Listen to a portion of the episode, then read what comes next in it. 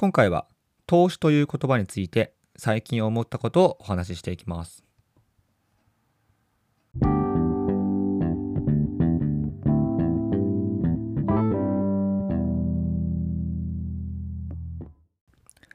皆さんこんばんは。ヒロトのフラット独り言。本日日曜日お話をしていきます。はい、えー今日は10月の25日ということで、もう10月も終わりを迎えてますね。いや、もうあっという間ですね。もう毎月毎月、なんかもう気づいたら、まあ、月末を迎えてるなっていうね、思うぐらい、まあ、毎日が、まあ、充実してるんだか、でもしかしたらね、単調なのかわかんないんですけども、まあでも本当に1年あっという間で、もう残りもあと2ヶ月ぐらいで終わってしまうんですけども、そうですね、まあ、2020年は、まあ、いろんなことがあったということで、はい、もう最後まで、まあ、悔いないように、まあ、過ごしていきたいなと思います。はい。えー今日は25日ということで、まあね、通常だったら、まあ、お給料日の、まあ、サラリーマンの方も多いと思うんですけども、でも25日が、あのー休みの日だったりすると、その、前々日とか、うん、まあ23日ですね、今回だったら、に入るケースが、ね、結構あると思うので、なんかそういう時って、ちょっと得した感、ね、ありませんか？はい。僕はすごい得した感感じるんですけども、はい。まあそんなこんなで、まあ、お給料もちゃんと入ってくるってことね。まあ最近はすごい、まあ、サラリーマンってやっぱり、うん、まあある意味ではそういう、そういった面では、まあ、安定はしてるなとは思います。はい。でもこれに甘んじてじゃいけないと思うので、はい。自分の、まあ、ね、勉強とかはしっかりしていこうかなと思います。はい。えー今日はですね、そんなお金に関する、ね、ことにも紐づいているように、あの、投資という言葉について最近思ったことをお話をしていきます。はい。えー最近ですね、まあいろいろと、まあ、資産運用の投資とか、あとはもう本当に、まあ、老後のことを、ね、考えると、今から投資しなきゃっていうね、そういう、まあ、国としての呼びかけも多かったりするので、まあ、最近では本当にもう、まあ、お金を、まあ、作る上での、まあ、投資っていうのも、まあ、流行ってきてますし、まあ、それに伴って、まあ、自己投資っていうことで何かしら自分に能力を身につけるために、まあ、お金を投じるとか、ね、時間を投じるとかそういう、まあ、投資っていうね、まあ、大きなくくりでの動きっていうのが、まあ、すごいなんか加速してるなとね感じてましてはい、まあ、これねあの僕自身も、ね、実際いろいろと今 FP の勉強をしたりとか、まあ、この音声配信もまあ投資でありますよね。自分の、ま、話す力を、まあ、鍛えるとか、まあ、考える力をうんまあ整理するとか、ね、そういった意味での、まあ、投資になるので、いろいろと今やってはいるんですけどもまあそれでふと、考えたことがあってで投資って、まあ一言でくくっても、うん、じゃあ何をもって投資というのかなってねすごい思いました。はい。なんかイメージ的には一般的には例えば株とかまあそれこそ FX とかそういう資産の投資というのも投資ですしあとはまあ本を読んだり、まあ、スキルアップの勉強をしたりする、まあ、いわゆるまあ自分の能力を磨く、まあ、自己投資っていうのも投資だと思うんですよね。うん。まあそうではあるんですけれどもこの投資っていう言葉が、ね、すごい曖昧なのかなと思って定義が。はい。で、いろいろと考えてみると、まあ実際、まあ、何でも、まあ、投資になるんじゃないかなってね、最近思うようになりました。うん。まあ投資っていうのは要するに自分が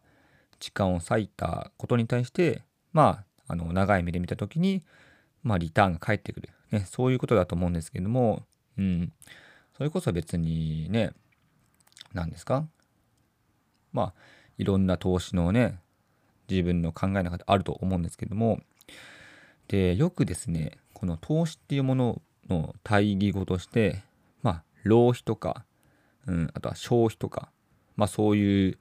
ね、ことで分けられると思うんですけどもじゃあ何をもって浪費と投資って言葉は分けられるのかなってねまあすごい考えてまあとりあえず自分の中ではこうじゃないのかなっていうふうに思ったのでちょっとまあそこをお話をしていこうかなと思うんですけれども、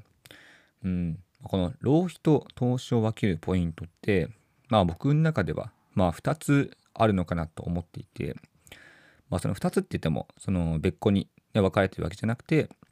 まあ、ちゃんと連動してるものではあるんですけれども、えー、その1つ目はですね、まあ、きちんと目的に沿った行動であるかどうか、まあ、これが1つ目。で2つ目が、まあ、それを他の人に自分の行動を説明した時に、まあ、それが投資であると納得してもらえるか、まあ、この2つが大きなポイントになってくるんじゃないかと思いました。はい。で、具体的にどういうことかっていうと、例えば、そのまあ投資って言って、うんま、パッと思い浮かんだのが、まあ、例えば資格の勉強、うんまあ、ると思うんですね。なんか資格を所得して、自分のスキルアップをしようとか、まあ、そういう、ね、資格の勉強、よくね、最近ではいろんなのあると思うんですけれども、例えば、じゃあ弁護士の資格が取りたいとなった時に、その弁護士の資格を取る理由としては、やっぱり大きなものとしては弁護士になりたいから。で、そのために弁護士資格の勉強をして、えー、試験に合格すると。うん。これっていうのは、ちゃんと、えー、目的という意味では弁護士になりたいっていう目的があって、そのために勉強する。うん。これ多分他の人に説明したとしても、ま、すごい納得感あると思うんですね。うん。なのでこういうのはちゃんと投資なのかなと思います。はい。えー、他にはですね、うん、まあ、例えば最近では、なんか個人で稼ぐとか、ね、個の力が大事だっていうふうによく言われると思うんですけども、じゃあその個の力をつけないから、うん、最近流行ってるのは、まあ、プログラミングを学ぶとか、うん、まあそういうのはあると思うんですけど、まあそれも、まあ投資になりますよね。例えば、プログラミングの教室に通うとか、自分でなんかサービスを作ってみるとか、あとは、まあ、プログラミングに限らず、ウェブでお仕事をあのできるように、まあ、デザインの、まあ、スキルを学んだりとか、うん。まあ、そういうことはネットだけじゃなくて、ね、いろいろあると思うんですけども、まあ、そういった個人で、えー、稼ぐ力をつけるために何か習得をする。これもちゃんと目的があって、でそれをあの他人に説明したときに、まあ、それがあの時間を費やすことが、まあ、投資であるというふうに納得感あると思うんですね。うん。というように、まあ、今一応ポイントを2つ押さえたわけなんですけれども、なんか必ず目的があって、でそれを目的をする上において、あの他の人に説明しても、それがちゃんと投資であると、ね、納得できることが、まあ、一つ、まあ、投資っていう言葉の、まあ、なんか大きな、あのまあ、意味なのかなと思います。はい。えー、で、一方で、じゃ浪費ってどういうものかっていうと、うん、ま、今のポイントの逆ですよね。うん、例えば、まあ、買い物をするっていう一つの行為においては、まあ、買い物する、まあ、もちろんいろんな理由あると思うんですね。まあ、単純に服が欲しいからとか、あとはね、気になってたものを買いに行くからとか、いろんな理由あると思うんですけども、その中でも例えば、じゃあストレスを発散するために買い物をする。うん。こういうことね、よくあると思うんですよね。はい。やっぱ仕事で、まあ、やっぱ疲れたりとか、うん、ちょ嫌なことがあったりすると、買い物で、まあ、ストレスを発散するってことはね、全然あると思うんですけども、まあ、これはですね、確かに行動としては、まあ、わかるけれども、なんか投資って言われると、なんかいまいちなのかなって思いますね、理由としては。うん。まあ、これは、まあ、一応目的としては、まあ、ストレスの発散のためではあると思うんですけども、じゃこのストレスを発散するために、えー、買い物をするっていうのが投資であるというふうに他の人に説明した時にうんちょっとなんか、まあ、納得が薄いのかなってねすごい思って、うん、だこういうのは、まあ、浪費に、まあ、分類されるのかなって思います。はい。じゃ逆にこの買い物っていうのを、まあ、投資にするためにはどうすればいいのか。はい。もう無理やりね、買えるみたいな、そういうことじゃないんですけども。うん。えー、例えばですね、まあ、その買い物をするっていうのが、じゃあ、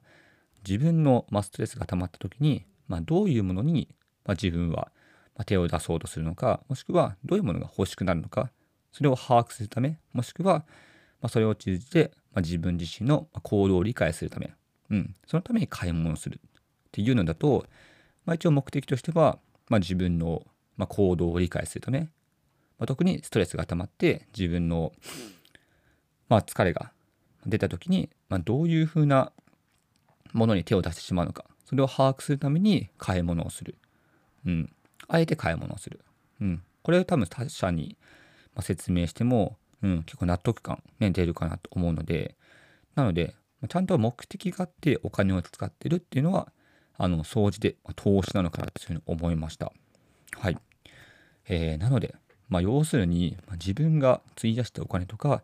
時間が、まあ、それが投資である理由付けをちゃんと相手にも分かる状態にできれば、もうあらゆる行動、まあ、投資になるのかなってすごい思います。はい。まあ、少なくとも僕はそう感じまして、で、まあ、他にもね、まあ、例えば例を挙げると、じゃあゲームをするっていう一つの、まあ、行動をとるとして、でこれが浪費の場合には、例えば、まあ、その理由としては、暇つぶしとか、特にやることがないから、まあ、時間を潰すためにゲームをする。うん。これってまあ目的はあるけども、ちゃんと、なんですかね、まああまり投資であるという、